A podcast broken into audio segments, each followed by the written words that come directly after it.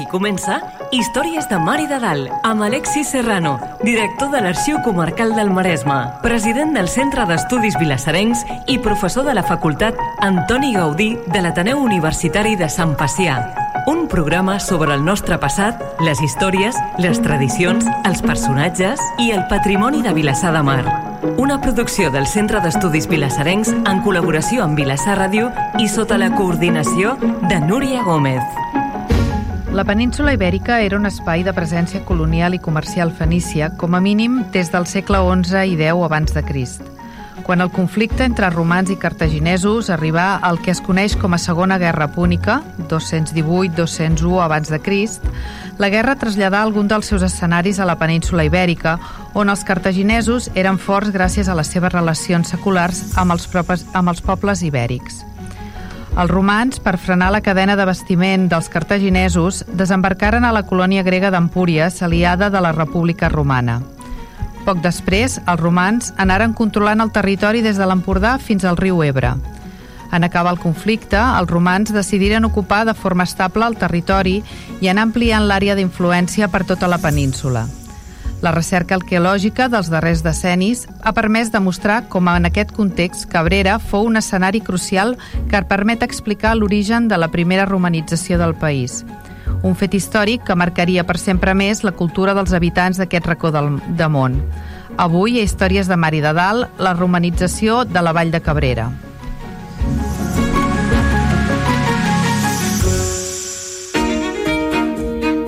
Històries de Mar i de Dalt. Entrant en matèria. Benvinguts. En el programa d'avui parlarem amb en David Farell sobre la romanització de la Vall de Cabrera de Mar. I l'Alexis ens en podria fer cinc cèntims sobre el tema d'avui.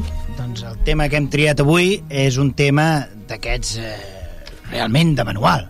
No? Eh, parlem doncs de, de l'edat antiga, de l'època dels romans, parlem de la, de la romanització al nostre territori, que d'alguna manera és el, el néixer de la, de la nostra cultura, almenys de, de l'origen de la nostra llengua, no? el llatí que arriba que es, que es teletransporta, diguem-ho així, no? de la península itàlica, i, i seran els nostres avantpassats, diguem-ho així. No? Eh, no perquè no fossin els íbers, eh? sinó perquè culturalment, culturalment aquella llengua serà la llengua que nosaltres entrem. Entre altres coses perquè no entenem encara ben bé la llengua ibèrica, no tenim massa coneixement des d'un punt de vista eh, ni lingüístic ni, tenim coneixement epigràfic, és a dir, podem llegir més o menys el que hi ha, però no som capaços d'entendre el que s'hi diu. Per tant, eh, en aquell moment eh, comencem a veure allò que més o menys som capaços d'entendre, perquè ens entenguem, no? Una, una civilització, la cultura romana, que més o menys, eh, més o menys paragonable doncs, als nostres esquemes mentals. Qui vivia en el nostre territori abans que els romans hi estableixin allò que coneixem com la Laetana, la Laetània? Doncs hi vivien els íbers, en aquesta Laetània, i el, concretament, en el nostre territori, doncs, els, els íbers s'organitzaven amb el que s'anomenen protostats, no? Són eh, unes unitats territorials que serien gairebé més grans que les nostres actuals comarques, per tant, es parla de que el protostat de, dels laietans seria una mica el Vallès, el Maresme i el Barcelonès, no? i la capital, concretament la capital, tot apunta que estaria ubicada a Burriac, no? la falda de Burriac, és un jaciment, si no m'equivoco, d'unes 8 hectàrees, amb unes muralles, per tant seria aquesta capital, amb un territori articulat a l'entorn, amb punts de guaita, eh, amb, altres, amb altres assentaments vinculats, llocs de, de labor, llocs dedicats a la pesca, llocs dedicats a l'extracció minera, minera, el treball del ferro, perquè els, els ibers eren eh, els, gran, els senyors del ferro, realment, eren grans productors eh, metal·lúrgics, i, i per tant, quan els romans arriben aquí no és que arribin a un lloc salvatge per, per civilitzar, aquí ja hi ha una gran civilització que és la que hem anomenat segurament per mandra cultura ibèrica i que fiquem en un mateix sac la, aquesta cultura de, del migdia francès fins a l'Andalusia. A dia d'avui hi, ha, hi ha autors que comencen a discutir això i segurament hauríem de parlar de cultures ibèriques i per tant doncs mm, la cultura laietània, seria la nostra cultura, la d'aquest protoestat d'aquest territori amb aquesta, amb aquesta capital que ho té tot, eh? que té unes, una capital amb muralles, que segurament tenia una, una estructura jerarquitzada, amb uns capdills que governaven, amb unes zones d'enterrament, no n'hi ha gaires a tot Catalunya, de, de zones de necròpolis, i en canvi a Borriac, eh, a la falda de Borriac en tenim unes quantes, eh, per tant tenim gairebé eh, tots els ingredients. Per tant tenim un gran jaciment, un jaciment ibèric, i després tenim a l'entorn d'aquest jaciment ibèric uns jaciments romans que són eh, dels, dels més primerencs al, al litoral català.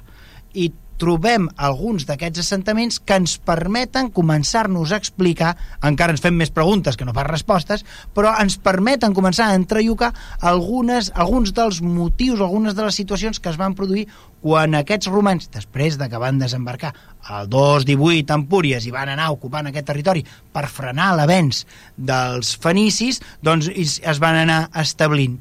Per tant, i Cabrera és un laboratori que ens ofereix és, és, de fet és, és, és un gran laboratori eh? Mm, em sembla que és el municipi amb més jaciments per quilòmetre quadrat de Catalunya que ens ofereix moltíssimes línies d'investigació i jo crec que és, jo crec que és la perla arqueològica del país i per sort per sort a, a Cabrera compten entre, entre d'altres doncs, amb la Fundació Borriac que és una entitat que es cuida doncs, de, de mantenir eh, de fomentar l'estudi d'aquest llegat eh, arqueològic i avui doncs, tenim el seu president amb nosaltres, que jo crec que és la persona més adequada per parlar doncs, d'això, doncs, de la romanització i d'aquests jaciments, d'aquests primers jaciments romans a l'entorn de Borriac, que és en David Farell.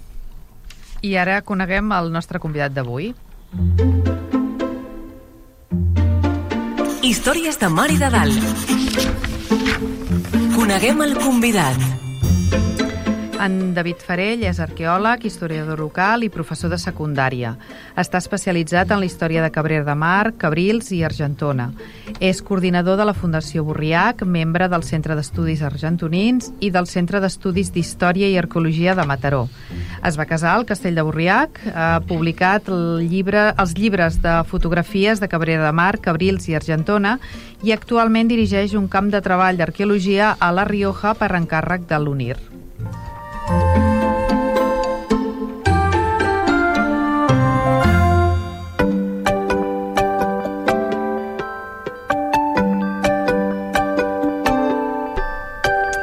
Benvingut, David.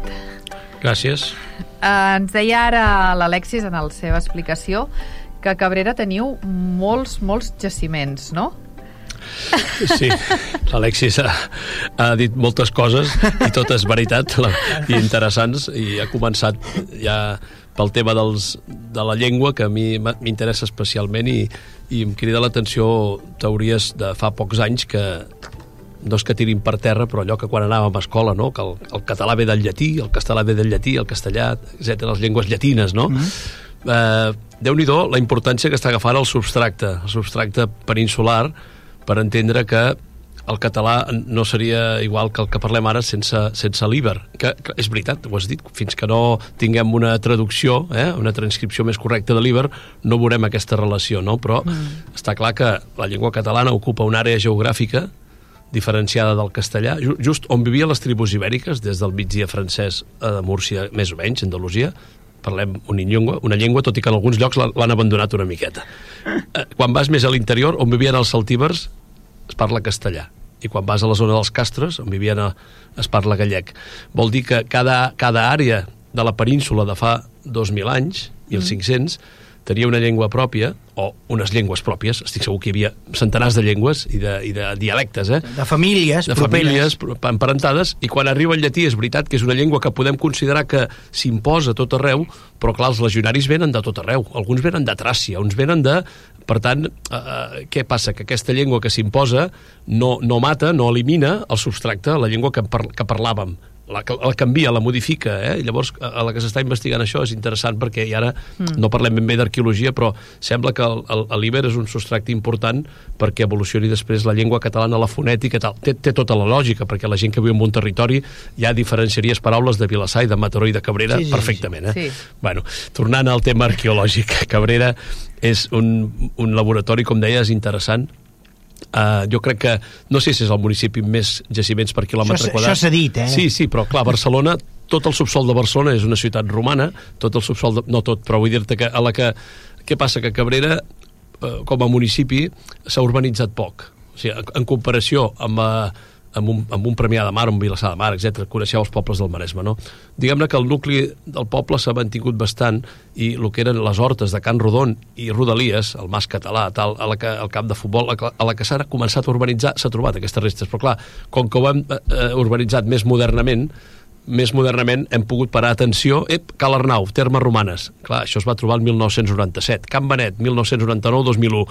Ja hi havia gent, com ara diguéssim el Centre d'Estudis Vilasserec, no? a la White. Per tant, eh, la troballa de jaciments és més possible quan tu estàs més alerta i quan tu controles més una carta arqueològica del territori. Si és cert que vista aquesta carta crida l'atenció no? per les dimensions del municipi, des del castell passant pel poblat i anar baixant les necròpolis que deies, els camps de Sitges, els poblats ibèrics, les masies ibèriques, que se'n parla poc.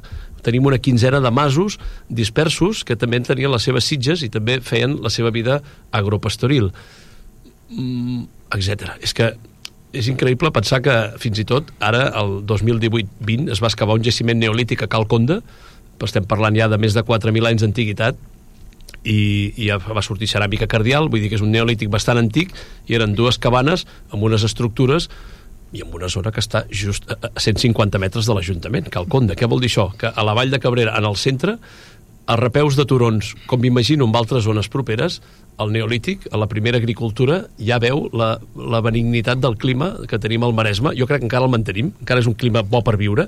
Sí. Eh, Ja, ja podem parlar del canvi climàtic i de les calorades que vindran, però la, la urbanització d'aquesta comarca és una prova i la, i la, i la, i la distància, no? Mataró-Barcelona, i la, ja par- parlaríem del ferrocarril més antic, la revolució industrial, però vull dir que abans eh, tampoc eren tontos a l'hora de triar el lloc per viure i posar la casa. Per tant, Neolític, edat del bronze, hem trobat Sitges, on hi ha el Mercadona, les vam excavar l'edat del bronze, eh, del bronze amb la, amb la Imma Bassols i en Robert Lleonard, i vam veure que eren Sitges de l'edat del bronze, on hi havia deixalles de coses de, de poblat, de, de cases veïnes, allà al Sant Crist, no? Per tant, dius, el poblament aquí és molt antic. El que passa és que, clar, quan ocupen tots els turons, els ibers, i, i coneixem molts poblats ibèrics a dalt dels turons, sembla que aquests eh, estats que dius, o quasi que parlem de tribus, no?, els laietans, parlem com de tribus, de tribus que, que formen part de la mateixa tribu laietana, però que cada poblat té una mica la seva història, el seu, com ara els, cadascú el seu poble, amb el seu alcalde el seu capdill, eh? Jo imagino un sistema així tribal eh, amb, amb més o menys relacions, no?, i després ja arriba a la romanització, com heu comentat molt bé amb el resum, després de la Segona Guerra Púnica, ocupa ja gairebé tot el segle II abans de Crist, i el que és interessant a Cabrera no estan parlant només de la romanització, sinó del món ibero-romà. És un terme que va guanyant força perquè què tenim? Al final de l'època ibèrica, el poblat ibèric s'abandona en el decurs del segle I abans de Crist paulatinament, els pobles d'avui dia no, no se'n va tothom a l'hora, de pensar que és un jaciment gran que ha anat acumulant gent d'altres poblats satèl·lits, Cèllecs, Cadira del Bisbe, Turó del Vell de Llinàs, es, es van com abandonant aquests poblats menors, la vida va baixant, va baixant de cota, eh, el món agrícola s'imposa més i només faltarà que vinguin els romans per, i posin el sistema de viles, no? llavors de dius, aquí la pagesia baixa i deixa de viure dalt de la muntanya, no? Què vull dir amb això? Que poblat concentra població, eh, Borriac, perdó, i després, a l'arribada dels romans, clar, sempre ens hem preguntat, i això no ens ho va dir ni, ni Plini, ni Estrabó, ni cap d'aquests, no? Per què Cabrera potser sí que és perquè hi ha Borriac en allà, perquè la vall de Cabrera amb la de Cabrils, que és un circ tancat i protegit del vent del nord, tampoc té masses diferències. Si mirem així els turons i les rieres que baixen, Premià- dius, a veure, Premià Argentona Dalt fins i tot és més ample. Argentona encara tens més, Sí. més, més riu important i més, i més agricultura per fer, eh? Sembla que la situació del, de, de Il Turo, del poblat Iber, com a, com a cap de, de tribu o de comarca en aquella època laietana, farà que els romans, que encara eh, aquí no, no sembla que lluitessin, però que dius, eh, ens establim una primera guarnició a prop del poblat ibèric, intentem ja pactar amb ells, comentar coses, a veure qui és el jefe, què volen, com viuen, nosaltres els hi proposem això. Vull dir, és un control del territori que esdevé ja en el segle II abans de Crist, de bastant estratègic i anterior, com sabem, de moment, a la fundació de Iluro Mataró, de Baetolo Badalona, fins i tot de Bárcino, de Blanda i Blanes, vull dir que és algun estratega militar, d'aquests ja un cop ja pacificada la, la, la, la regió i, i muntat tot el tinglado a Tàrraco, a Tarragona, comencen a veure punts clau estratègics on començar a desenvolupar una primera romanització, perquè clar, els jaciments de Cabrera són, són del 2 abans de Crist, és molt antic això. Mm. Les ciutats que es fundaran després amb la retícula i amb la planta ortogonal són de l'1 abans de Crist. Vull dir, estem parlant d'unes dècades abans. Sembla com un laboratori, que deies tu aquesta paraula, la, la compro, eh? Vull dir, estem aquí els romans a veure, o no ens en fiem dels ibers, o hem vist una vall prop del mar, eh, i, i comencem a vigilar-ho i a, a muntar el tinglado abans d'aquestes fundacions que ja sí a la platja, ja sí a la costa, eh? vull dir, totes les altres ciutats que començarem a veure estan clarament en el litoral i Cabrera no, està a l'interior. Aquest, ha, ha, de, aquest... ha de tenir la força ibèrica, ha de per ser força. la clau, per força, per força. Aquestes ciutats, aquestes primeres ciutats, les antigues, eh? Iluro, eh, Bétulo, és una mica més recent, una mica més moderna, però aquestes antigues es, eh, tot apunta que són fundades, no? com Iluro, no? la ciutat de Mataró, no? pròpiament Mataró, eh, són fundades per, per donar allotjament als antics soldats eh, que han acabat el servei, aquest servei eh, d'anys, no? una vintena d'anys de servei militar, no? aquests legionaris, que un cop han acabat el servei són recompensats amb eh, grans parcel·les de terra no? que es, es, es, es quadriculen no? i cadascú se'ls dona unes, unes porcions d'aquestes terres a l'entorn d'aquestes ciutats i tenen l'obligació de construir la casa dins d'aquestes ciutats i més o menys urbanitzar aquestes ciutats. Vol dir més o menys construir les qüestions bàsiques d'una ciutat, que si una font, que si una plaça, que si cal fins i tot muralles o començar-les a aixecar i aquestes ciutats faran un efecte crida, aquestes ciutats que tindran mercat, aquestes ciutats que tindran més proximitat amb el mar, que arribaran productes doncs, d'Itàlia, de, de Grècia, eh, d'altres territoris, doncs estaran més ben situades i per tant en aquesta ciutat d'Iluro doncs, tot apunta que el poblament que encara vagi quedant al Vall de Cabrera anirà anirà baixant, anirà baixant. La cosa curiosa és que Cabrera mantindrà, eh, tot apunta, durant un temps, un, un santuari important, que és el que tradicionalment li dèiem, el coneixíem com Mitreu, no? Era un santuari periurbà, que és el santuari eh, que, que administreu vosaltres a la Fundació. Sí, Can Bodolell és un jaciment també estrella dintre del que és la Vall de Cabrera i el que passa és que costa una mica de lligar amb el discurs general de, de, que dèiem abans de, de la romanització de Cabrera perquè ja és o, ja és d'època imperial i ja suposa una, una vila de fet encara s'està excavant eh? vull dir, el director, el Víctor Revilla, em deia que comencen a excavar el 5 de juny aquesta, aquest any, també faran una campanya i van avançant i van aportant noves dades cada any i són jaciments que són complicats d'explicar perquè passeu d'un mitreum a, a un possible lloc de culte d'altres divinitats també eh, no reservat només als soldats, eh, amb un espai de vila, vull dir que s'ha d'anar excavant i s'ha d'anar interpretant, val? però està clar que amb unes termes uns temples, eh, unes zones de culte, per tant, i, i unes domus que van sortint, algunes amb mosaics, com Can Benet o Can Rodon, i una quadrícula també primigènia Cabrera, perquè és curiós, perquè al final, de, de, de, amb les excavacions, el plànol es va completant eh? i un espai de 4 o 5 hectàrees al centre de Cabrera et dona també una quadrícula com aquell primer campament romà de tendes i soldats, no?, que, que acaben sent cases, algunes modestes, sembla que hi ha població ibèrica també que s'està incorporant en aquestes zones, potser mà d'obra que treballa pels romans, potser soldats que no tenen la gran domus amb mosaics perquè no deixen de ser uns legionaris encara i no s'han jubilat ni els donat la, la, la, la paga aquesta que tu dius en un terreny, no? Però, bueno, eh, tot això s'està investigant i realment cada 10 anys que passen, les comunicacions que van arribant doncs van explicant més bé tot aquest món que jo crec que encara queda moltíssim, eh? I, bueno, la veritat és que Vilassar de Mar també, si mirem eh, dic perquè estem aquí a la ràdio, no? doncs una, una, una, una planta, una fotografia de, del Vilassar, l'agafem dels cingladures i agafem una, el Vilassar del segle XVIII, no? I veiem tota la centuriació aquesta, aquesta quadrícula dels camps de Conreu, amb el camí del mig, paral·lel a la costa, antiga Via Augusta, per cert, que tenim el miliari al Museu de la Marina, no? Vull dir que tenim encara tot un terreny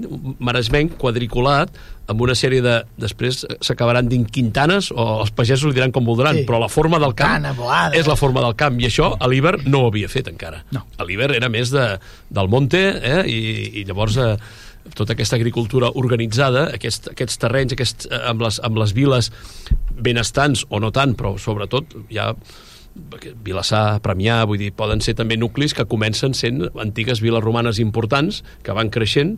De fet, la carta arqueològica del municipi de Vilassar de Mar no me la sé de memòria, però els jaciments principals eren a la regidoria Robert, al voltant de la piscina, a prop del Sant Cristòfol al sud, a la zona de Can Vilalta.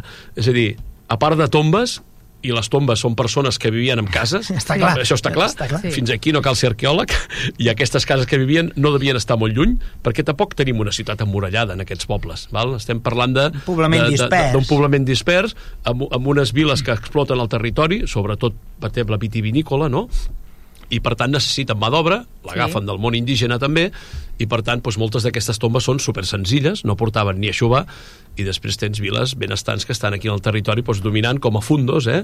el que acabarà sent potser un mas o una cosa més evolucionada a l'edat mitjana. Però eh, l'arqueologia ens, ens dona un, un modus vivendi que, de fet, es pot investigar en l'Iber, en el romà o en el medieval, però realment es veu com la població va, va evolucionant i va avançant segle a segle i això és, és interessant que l'historiador ho, ho sàpiga explicar, no?, de com va evolucionant tot el poblament. Mm.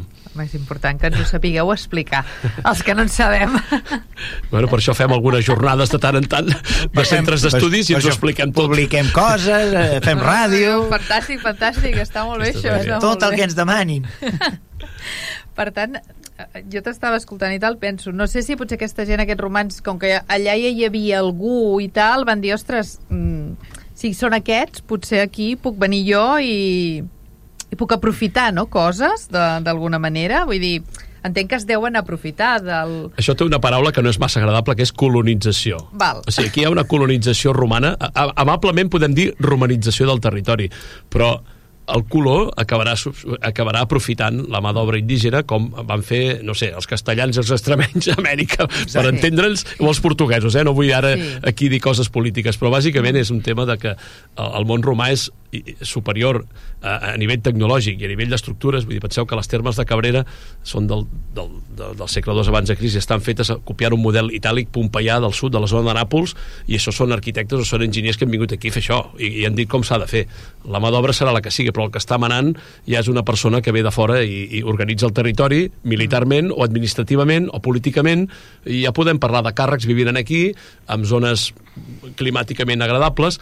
Ells van ocupar, no oblidem, del Laci, van fer una colonització a la península itàlica i ara ens tocava a Hispània. Val. I per tant saben com fer-ho. Saben com fer-ho, saben com guanyar-se la gent d'un territori a Lleida els va costar una mica més, eh? Vull dir, sempre hi ha ariscos, eh? Allà els fa... Que cal tenir present, cal tenir present, i que això els romans ho van aprendre. Els romans feien la guerra, eren els reis de la guerra a l'antiguitat, i sabien fer la guerra ben organitzada. Però imaginem-nos, jo sempre dic el mateix, imaginem-nos que els romans són els americans a Vietnam. Quan els americans arriben a Vietnam, no tenen cataplins de prendre Vietnam. Per què? Perquè davant què tenen? No tenen un exèrcit que ataca frontalment igual d'organitzat que el seu, eh, l'exèrcit americà. Això és el que els hi passa als romans quan arriben a la península ibèrica. Quan els, quan els romans arriben, per exemple, a la zona de Síria-Palestina, fan caure l'estat d'Israel així. Eh? Cau l'estat d'Israel eh, en, en un parell de batalles, l'estat d'Israel cau i eh, la monarquia deposa les armes i els romans posen un monarca que els hi serà fidel, no? perquè tot aquell territori està organitzat. No? Hi ha tot un territori més o menys centralitzat, amb un estat centralitzat, amb un exèrcit centralitzat. Però la península ibèrica no té això. Té molts petits estats, aquests protoestats, que clar, que cadascú fa la seva guerra, amb la seva diplomàcia. I els romans són molt hàbils amb això. De fet, les fonts ens expliquen com funciona la conquesta de la península ibèrica. La conquesta de la península ibèrica no cau com Israel d'un dia per l'altre. Cauen, calen més de dos segles per acabar, per acabar amb les guerres càntabres a, a Cantàbria en temps d'August. Cal, calen dos segles perquè els romans, de fet, hauran canviat de sistema polític entremig, perquè de la república passant a l'imperi, etc etc. I, I les monedes de Cabrera, que tu n'has vist, amb el capdill, és el sistema monetari, l'encunyació romana no és una altra manera graciosa i simpàtica de guanyar-se. El tribut. I, I de dir, Ah. escolta, eh, tu vols sortir aquí a la cara de la moneda? Tu ets el jefe i, i el duro, oi? Tu manes, oi? Doncs, escolta, tu aquí, a partir d'ara, tu ja seràs moneda de canvi. I, Però i, i, aquestes monedes tenen un patró monetari que és l'equivalent al de la seca romana, es fan amb un valor de plata que és equivalent al que es mou al foro de Roma, i per tant aquí tu estàs dient, sí, sí, aquí mourem el diner així, tu em pagaràs el tribut a mi així, jo donaré, jo faré, eh, farem moneda, la posarem en circulació, però els romans a les fonts expliquen, per exemple, com veuen que el, en, el, en aquestes comunitats indígenes, diguem així, comunitats indígenes, tribus, digueu-li com vulgueu, protostats, els romans se n'adonen que ja parlen les fonts, parlen dels júvenes i dels sèniors, no? o, o dels vells i dels, dels joves. joves. I se n'adonen com que els que manen són els vells i veuen que els joves són un element d'inestabilitat. I el primer que fan seran armar o aliar-se amb els joves per fer caure els sèniors. No dic que això passés a Borriac, de fet això no ho tenim. Ho tenim documentat en altres llocs, no? Món celtíber, etc etc. Per tant, els romans eren molt hàbils de veure aquests punts d'inestabilitat i colar-se i colar-se en, aquests, en aquests territoris. Però una altra cosa, no sabem ben bé quines eren les aliances dels, per exemple, dels, dels, dels de la Laietània amb, amb els fenicis. I tenien tractes feia molts de segles, però potser un cert moment l'oferta dels romans va ser superior. I per tant, això, tot això són meres especulacions, però els romans eren prou intel·ligents com per buscar aquestes... perquè si no, no s'explica que un poble de llatins, els llatins són la gent que viu entorn del Laci, eh, ocupi tot, tot el Mediterrani en, en tres segles. És, és molt difícil de fer de, demogràficament no tenien una capacitat, no, no, no és que poguessin fer fills i fills i fills per ocupar tot aquest territori, per tant es fa de moltes maneres, sí. i una manera serà aquesta. I militarment, eh? no oblidem que el castell no, de Borriac, eh, Carreras Candi, amb la seva obra important eh, de principis del segle XX, amb el plànol d'en Cabanyes i tal, pues fa tota una descripció interessant ja, i ja, ja postula l'origen romà de Borriac, però ell no, no ha excavat ben bé. Nosaltres, el 93, vam trobar la cisterna romana del castell de Borriac, amb Bopo Signino, vam dir, alto, aquí hi ha un castellum, aquí hi ha un castre, eh, del segle II abans de Crist, per tant els romans tenen una guarnició militar a Borriac i després, més tard, van sortir les termes a la part de baix amb la trama aquesta. Què vol dir això? Que els, els ibers estan vivint aquí, però a dalt hi posem un castell vale? amb soldats, i a baix hi posem ja una primera eh, població amb, amb termes i tot això. Un campament militar. Estem segurs que l'inici és més de control militar i després ja vindran aquestes bondats i aquest sabent guanyar la població, tractar amb ells, però, però primer, primer venen a veure a veure-les venir. Què passarà? Com reaccionarà aquesta gent? De moment hem tingut problemes amb tribus interiors. A veure els del Maresme com són i bueno, ja vam veure la nostra pasta eh, de què estem fets. Si no tenim alguna a guanyar, problema. porta cap aquí. No, però uh, la idea és que uh, l'inici militar està molt clar, és que Borrià quan vam trobar aquella cisterna i altres elements i molta ceràmica romana vam dir que els romans hi tenien aquí el tinglado muntat 150 anys i quan van veure que ja està amb la, pas, amb el Pau d'August ja està, vull dir, ja, ja la romana vull dir, jo crec que van trigar menys d'un segle amb, aquí amb romanitzar el Maresme ràpid aquí realment és... A diferència és... de, la, de la cornisa cantàbrica, que la cosa va trigar, eh, perquè de fet sí. les fonts ho expliquen, eh, que gent era dura, en canvi aquí tot apunta que va ser una sí mica que és cert que les, les, o sigui, les ciutats que fundaran ja al llarg del segle I abans de Crist, sobretot ja el, el, els últims 50 anys, eh, la segona meitat, per exemple, penso en Viluro Mataró, tenen muralla també. Uh, Badalona també té muralla, vull dir que es tracta de fer unes ciutats no molt grans, no molt grans, amb el cardo, el decumanos, eh, i tota l'estructura romana quadricular, però es calcula unes ciutats de 400 o 500 metres per 300. Vull dir que és un perímetre no molt gran, amb una sèrie de carrers, i la població que hi és convidada a viure entenc que si estan dins de muralles doncs és població llatina que ha vingut aquí, comerciants, èlits locals o gent que ja s'ha anat romanitzant perquè aquestes ciutats no es funden de seguida que arriben els romans. Hi ha, un, clar, hi ha, un, hi ha unes dècades que passen. En aquestes dècades és quan s'està produint tota aquesta maquinària que estem parlant de i quan decideixen fer aquestes ciutats a la vora del mar, amb un port, també entenc que s'ha de protegir la ciutat i que per mar poden venir atacs, eh? Vull dir que el romà eh, potser hem guanyat els, en els, a les guerres púniques, no? en, els, en els cartaginesos, però l'enemic sempre hi és. Contra l'imperi romà, a veure, vull dir, hi havia... Eh, més tard s'hi van atrevir els, els bàrbars, però bueno, vull dir que aquestes ciutats emmurallades sembla ser que amb, els seus, amb les seves places, els seus fòrums, els seus temples d'August, els seus mercats, tavernes, no? vull dir, van sortint el que té una ciutat petita i la resta de gent pues, vivia a les afores no sé si...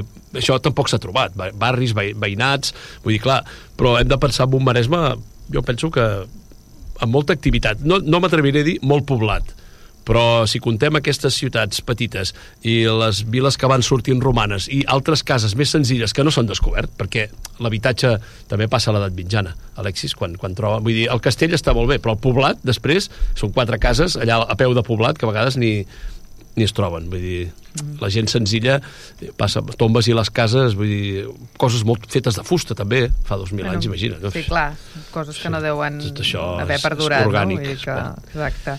De totes maneres, amb el tema d'estar de, a la platja, també devia ser perquè per comerciar, no? Per, a banda de que poguessin venir-li els bàrbars o qui fos per terra, també hi havia un comerç no? entre, entre Itàlia i... Podem parlar de la vinya durant dos programes seguits, perquè realment el vi del Maresme, que per cert, algunes fonts diuen que era molt exportat, però diguem-ne que les festes era com un vi de segones ja, saps? Vull dir, per les tropes anava de conya. Per les tropes, eh? perquè així les tenies contentes, no? Això que no, que no s'enfadin els de la denominació d'origen a l'ella, perquè han millorat molt els vins. Fa ex-laetan, eh? vinatxo de, de la laetan. Re, realment sortien molts barcos amb àmfores. De fet, a Vilassar de Mar i a les platges de Cabrera, més que un port, s'hi han documentat fondejadors una paraula que queda mig camí, no?, entre el, vull dir, aquella zona d'arribada i descàrrega, no?, Val. per després distribuir no? a, la, a les viles properes o, o perquè de la vila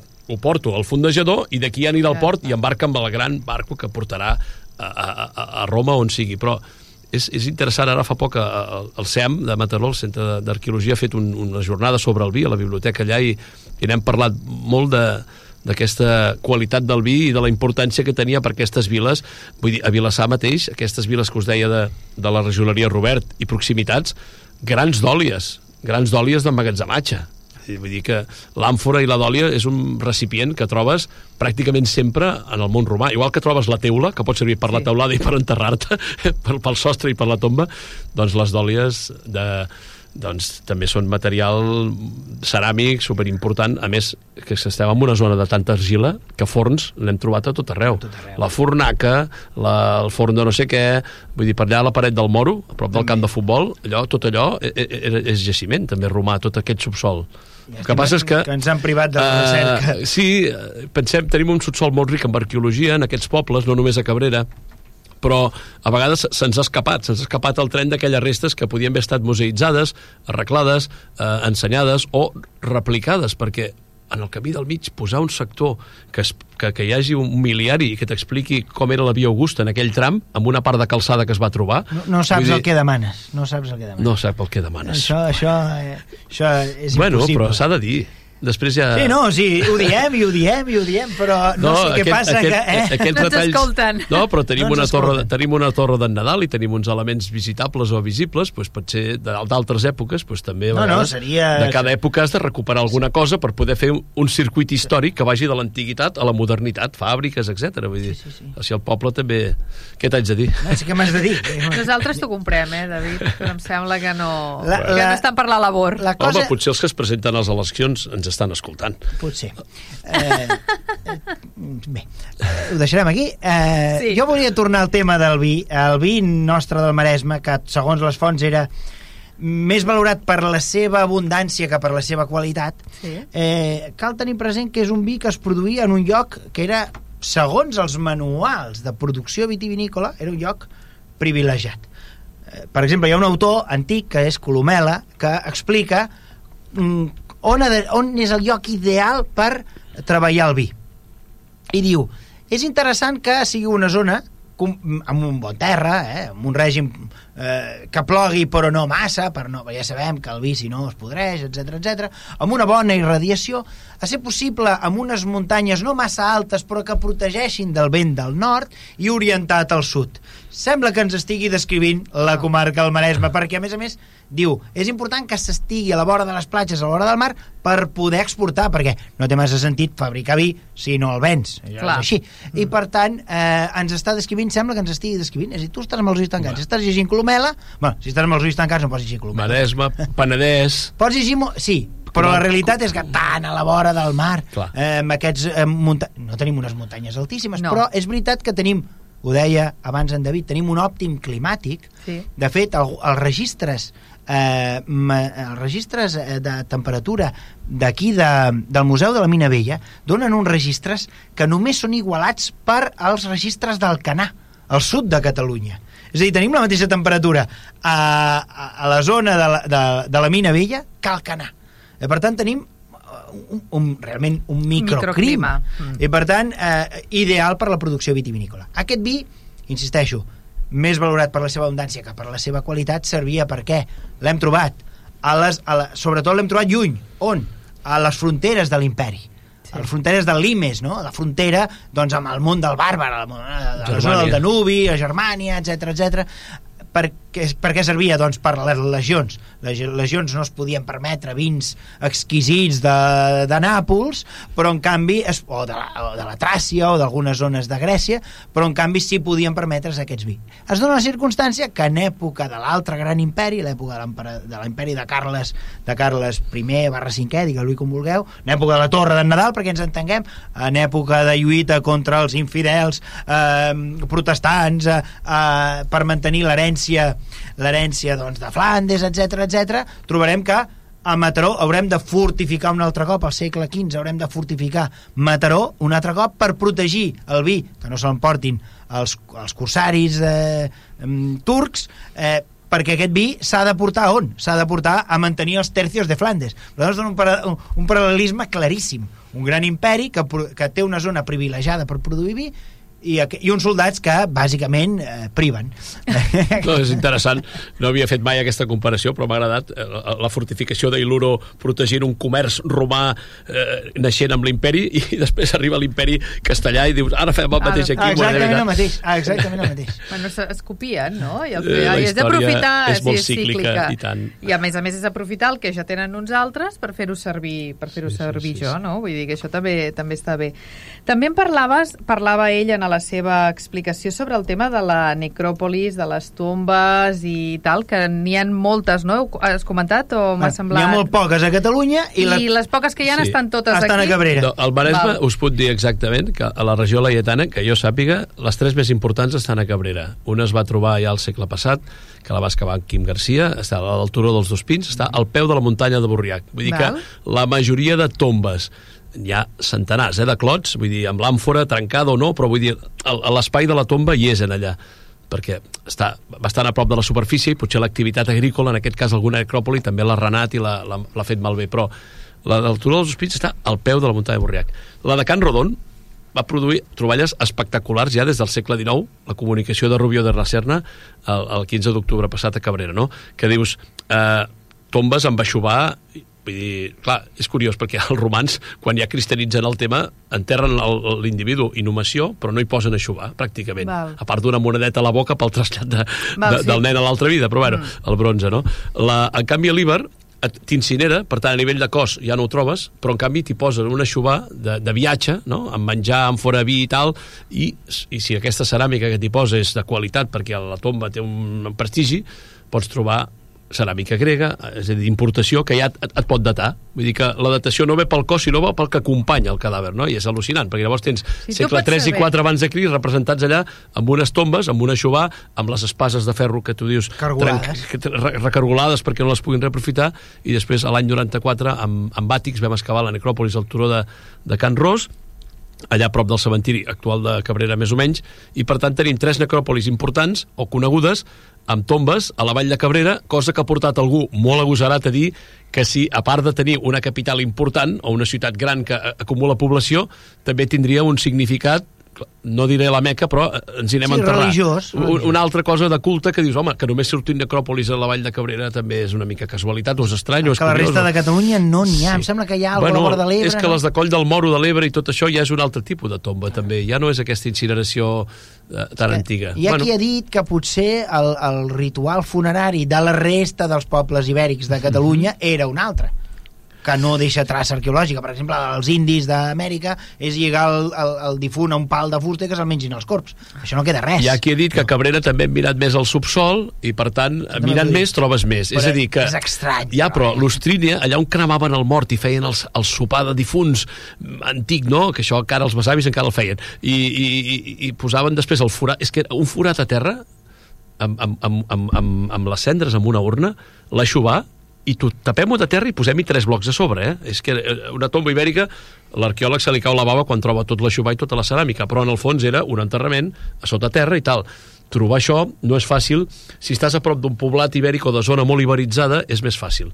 Però ara busca necròpolis a tota terra, vull dir, com han anat sortint les tombes de la Guerra Civil a mica en mica, perquè algú ha dit, em sembla que allà van a fusellar aquells, no sé què, i anem a buscar-ho, i... però jo, mira que ha costat de trobar. Jo segueixo pensant, hi ha, hi ha, hi ha jaciments arqueològics d'època ibèrica, d'aquesta mateixa cronologia, a altres indrets, jo què sé, Olèrdola, eh, s'ha sí. excavat molt intensament, hi ha projectes... Hi ha, o Ullestret, per exemple. Hi ha projectes de molta solera, de molts anys, i no ha sortit ni una trista tomba, i en canvi aquí tenim una quantitat de tombes. Així vol dir que aquí... Després hi ha un altre, un altre element. Algú ha fet la interpretació del preu el preu d'una sepultura així, perquè acumular tota aquesta mm, fusta per incinerar el cadàver, eh, l'aixuvar per, per bàsic que sigui, probablement no tothom tenia el dret a ser incinerat. Exacte, exacte. Eh, però en canvi a Burriac hi ha força gent que té el dret a ser incinerat. Això també s'ha dit dir... amb els megàlits, amb el món megalític també s'ha dit sempre que a part d'aquells col·lectius que després d'una batalla tots allà van ficats allà com aquell de, de dos rius, no? uh, que no tothom tenia un estatus social per, per tenir una tomba... No tothom era digne. Amb, amb, exacte, sí. Això també podria fer que... Però bueno, igualment no explicaria... Tot això és especulació. No explicaria eh? que només es trobessin a Cabrera perquè a Ullestret i altres llocs hi havia èlits locals. Exacte. I a, i a Olèrdola, vull dir. Sí, sí, sí. sí. sí. I, i, no, és una de les paradoxes. Un altre dels elements importants que té, que, que, que ens ajuda a fer el quadre, és el santuari de Montcabrer Eh, si tot va bé, algun dia en parlarem, espero que ens acompanyi en Ramon Coll, que va excavar el santuari, i per tant és un altre d'aquests elements, no?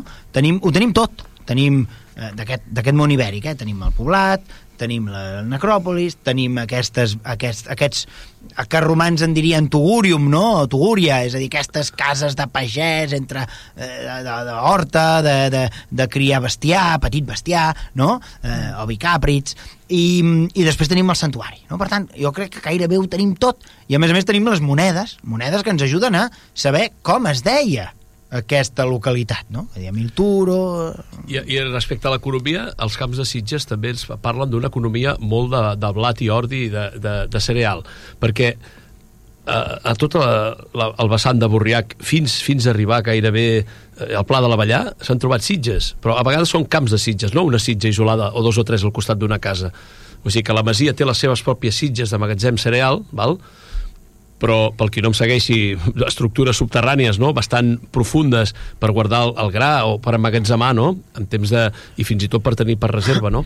que hi hagi tantes sitges parla d'una activitat cerealista molt important també, a part de, de, dels ubicaprins i a part d'algun altre doncs, element interessant de l'agricultura. Però, però realment el cereal, clar, vosaltres, és que això ja ve del neolític pel tema del pa, les coques, vull dir, tenir farina era fonamental per la vida diària d'aquesta gent també. Per tant, però és curiós pensar en un maresme cerealístic. Sempre te l'imagines més a les comarques interiors, però és que amb tanta sitja que hi ha, segur que no era per guardar el vi, aquelles no, no, sitges. Clar, Són forats de terra. Està vull clar, dir. està clar. Bueno, però I molt probablement... Al Vallès s'han trobat, no? al Vallès s'han trobat centenars i milers de sitges de l'edat del bronze i neolític que són magatzems pel gra cereal. Pues el Maresme, la majoria de sitges són, però de l'època ibèrica, i dius, ostres, pues aquí ha de tenir una importància aquesta activitat també de, de pagesia, no? Probablement també de, de, de, de, de de comercialització d'aquest excedent perquè no sabrem mai la quantitat de gent que vivia, ja. si el gra era suficient, si el gra que es necessitava per l'any següent per tornar a sembrar era... no ho sabrem mai. Tampoc sabem si totes les sitges funcionaven contemporàniament, perquè nosaltres tenim la data de l'amortització, és a dir, el moment que ja no serveix la sitja, que s'ha fet malbé, i es reomple de brossa, que per que dius, home, és el foment, és el moment de que ja, eh, diguem, s'ha colmatat, ja ha deixat de funcionar, però és la sort dels arqueòlegs, perquè troben trobar un, un, eh, un jo què sé, un, un femer, no? Trobar les escombraries sí. eh, és, és una font inesgotable d'informació. Però és una, és una informació incompleta, com, com, com podeu entendre i esteu veient, perquè trobem l'estructura negativa, ja sigui una tomba, ja sigui una sitja, però se'ns escapa encara, i potser algun dia trobarem respostes, abans deies, sempre ens hem de fer preguntes, però és que no acabem mai de saber les coses del tot. Quina relació comercial tenien entre aquests pobles ibers, si Burriac era realment una capital important, si la Laie que surten a les fonts... On estava Laie? Laie? D'aquí ve el nom de Laietània, de la gran ciutat Laie perduda, no trobada? Algun indiana que vingui, si era Barcelona... Perquè els, els laietans també eren al Pla de Barcelona, eh? Sí, si tu sí, abans has dit sí, sí. Vallès, Maresme, també Sí, sí, Barcelona, Barcelona, eh? Vull dir que és, és com una comarca realment gran de, de poblats i de tribus que més o menys tenen una cultura Jo sempre i, dic un- i un modus vivendi jo se- semblant. sempre dic que és el corregiment. És el- l'antic corregiment del Potser sí, segle XVIII. potser sí és- s'acosta més a això, sí. geografia Com a frontera, sí. Eh, La cosa que eh, moltes de les- de- d'aquestes preguntes que ens hem de fer, que són, són gairebé infinites, és a dir, eh, perquè de cada, de cada hipòtesi li pots trobar la contra, i li pots buscar el plec, i li pots buscar el, el dret i el revés. Però la cosa, la cosa curiosa són, són les dades que s'acumulen. Les dades que s'acumulen, i són objectives, és a dir, la quantitat de sitges que hi ha. No sabem si mm, quantes d'elles treballaven contemporàniament. O sigui, tot això se'ns escapa. No sé si algun dia ho podrem arribar a, a, a, a, a saber amb models estadístics, fins i tot amb intel·ligència artificial. No ho sé. Però la realitat és que les dades que s'acumulen campanya rere campanya, eh, cada vegada doncs, que s'ha de fer passar un cable per aquí i per allà, i, no, i ara surt una sitja, i ara surt un mur. I, surt, I tot això ens permet anar fent-nos una idea de- de- d'un món, d'un món eh, que és cada vegada més complet. És a dir, eh, abans, si, aquesta pregunta, si aquest programa l'haguérem fet fa 20 anys, doncs haguérem dit, no, poca cosa, no sé què, però clar, de 20 anys cap aquí, tot el que s'ha anat descobrint, o 30, doncs eh, ens, ens permet fer-nos una imatge molt més completa. No? Si aquest programa l'haguérem fet fa 30 o 40 anys, haguérem parlat d'un gran poblat ibèric... El miliari eh, del conegut. miliari i, i de romans que eh, de Sí. Mataró.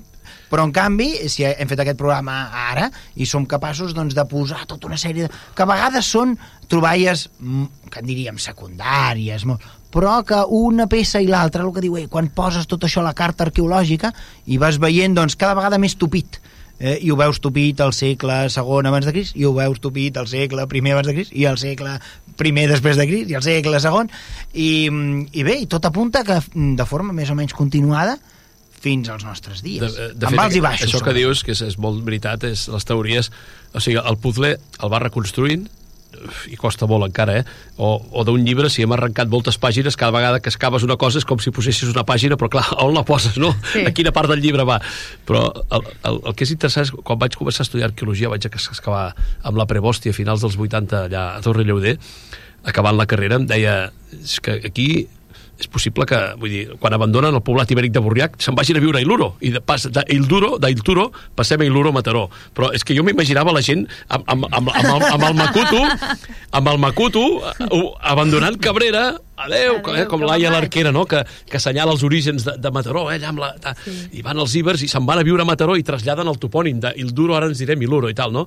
I clar, què ha passat amb els anys? Que vas investigant la ciutat de Mataró i les valls de Cabrera i el món, que és molt paral·lel, vull dir, eh, s'ha d'anar explicant i clar, la Iluro fortificada, la Iluro romana és una Iluro molt pensada a nivell llatí per profit dels romans, no per veniu els ibers, sortiu del poblat que ara, deixareu, ara sereu ocupes aquí a la ciutat romana que està això- sortint a la vall de Cabrera, que és això que la Marta Prevosti no podia saber. no, no, no, No podia saber que no era divina, però tot el que està sortint a la vall de Cabrera ens aporta una, una, una possibilitats interpretatives no sé si poden ser molt extrapolables a la resta del país, probablement en algun lloc aparegui alguna cosa més o menys similar, sí. però no, no, no, es pot, no es pot negar. Però la realitat és que l'exemple que ens està oferint Cabrera és extremadament eh, eh, eh, original perquè no, fins ara no hi ha més gaires Clar. més paral·lels i per tant jo crec que és eh, aquest és un avís a tots els electors de Cabrera que, eh, i sobretot als electes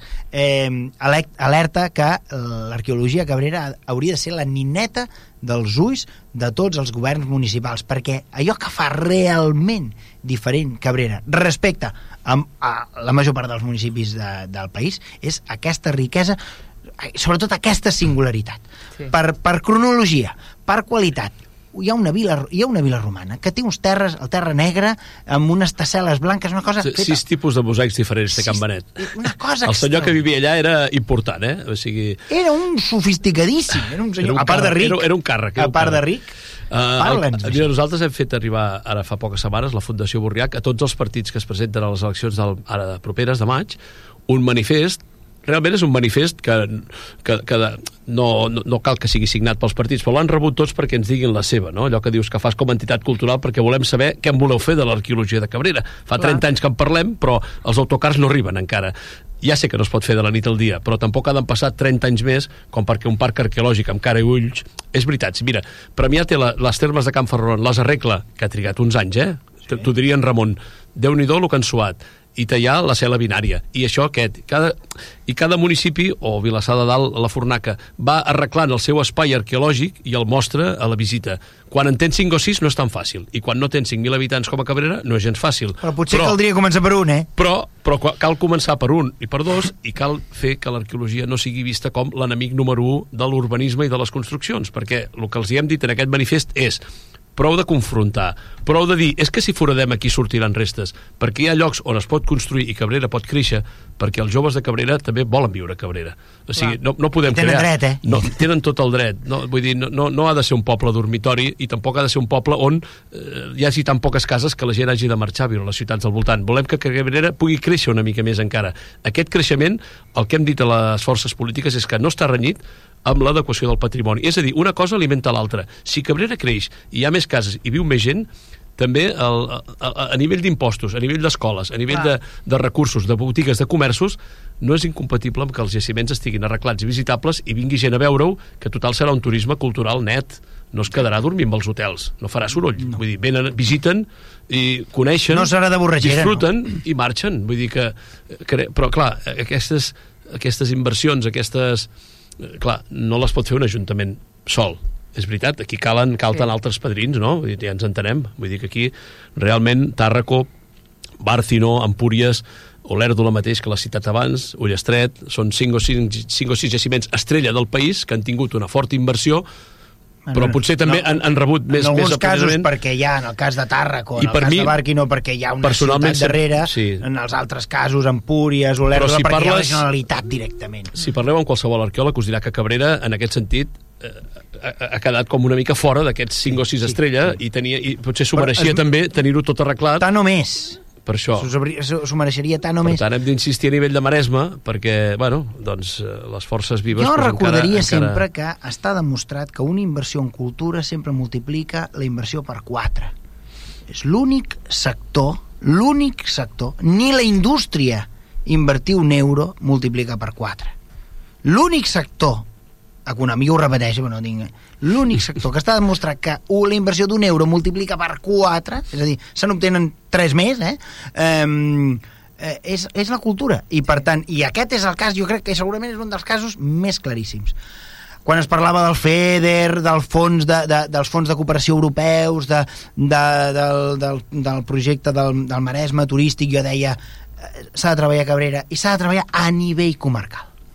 Ja sé que Cabrera els jaciments de Cabrera estan a Cabrera però els, els jaciments de Cabrera permetrien posar en la mateixa equació la Fornaca, permetrien posar en la mateixa equació el Museu de la, de la Marina, si estigués obert per veure la necròpolis, posarien la cel·la binària, posarien la Torre Lleuder de Mataró... Podrien... Quan vas a la campanya, a, a la regió de la campanya francesa, no visites una sola vinya, no visites una sola, una sola establiment, vull dir, veus tota una comarca que ha, ha fet d'això un producte molt potent a nivell turístic i ho ha aprofitat i ho ha sapigut doncs, fer visitable, apreciat i no malmet el territori. Vull dir que no. avui en dia sabem treballar les coses a nivell de sostenibilitat, vull dir, l'arqueologia no té per què convertir-se en un plec de ciments, vull dir que hi ha, hi ha, hi ha coses dissenyades i pensades, el que fa, falta, falta posar-les en pràctica i mentrestant continuar investigant la història i, I, i continuar les excavacions. El poblat ibèric s'està excavant, per exemple, a la part de baix, i sí. anem trobant cada vegada més clarament aquest abandó del poblat com va ser i com era la ciutat quan va ser abandonada, perquè clar, quan excaves una, una cosa doncs trobes l'últim que, que van deixar, no? d'alguna manera és l'última fase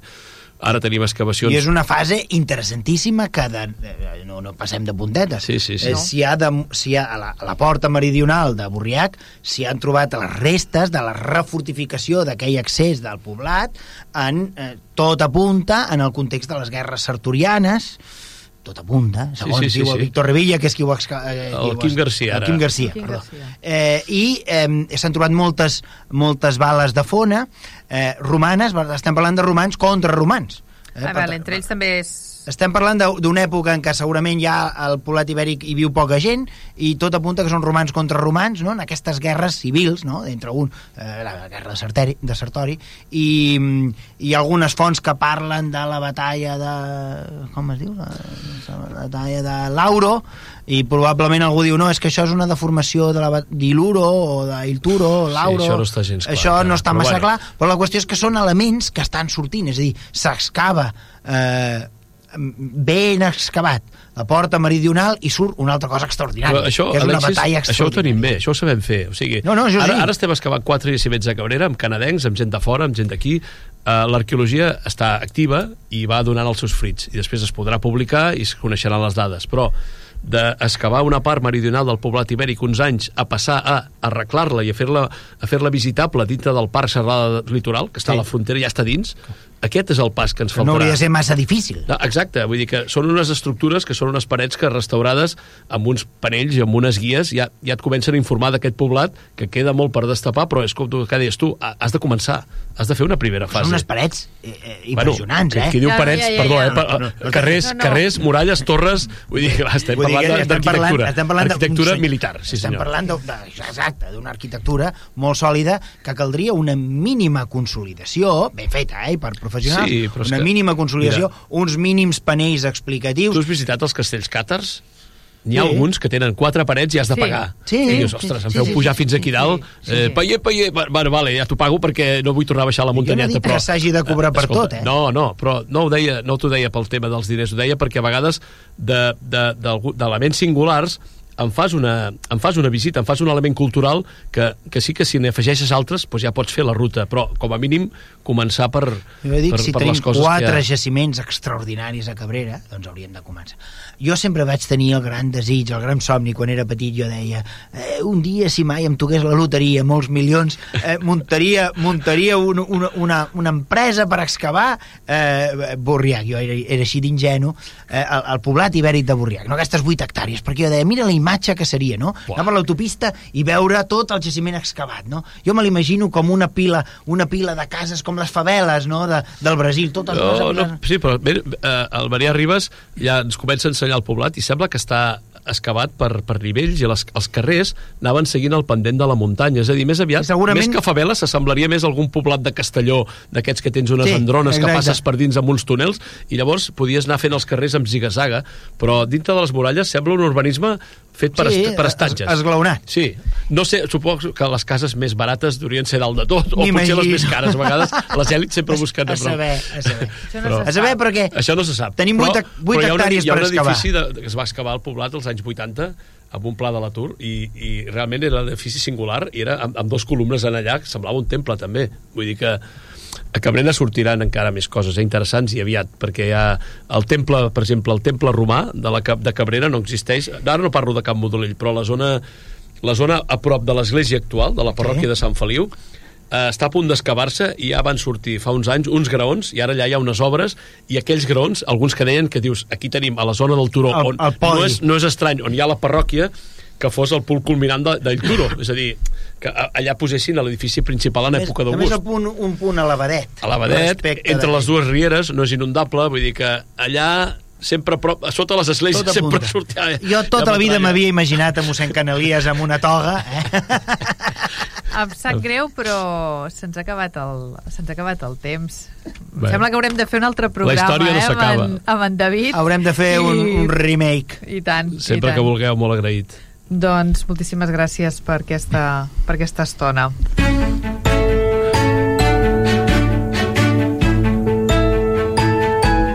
Hem arribat al final del programa. Recordeu que podeu tornar a escoltar el programa a través de vilassarradio.cat i a Spotify buscant històries de mar i de dalt. També us podeu subscriure al canal de Spotify per rebre el programa cada setmana. Adeu i fins al proper programa. Històries de Mar i de Dalt, un programa sobre el nostre passat, les històries, les tradicions, els personatges i el patrimoni de Vilassar de Mar. Una producció del Centre d'Estudis Vilassarencs en col·laboració amb Vilassar Ràdio i sota la coordinació de Núria Gómez.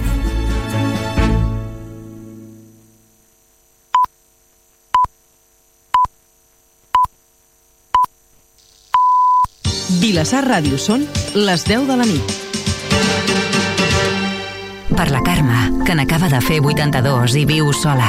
Per la Nora, que viu amb el seu fill petit. Per en Taric, que va arribar fugint de la guerra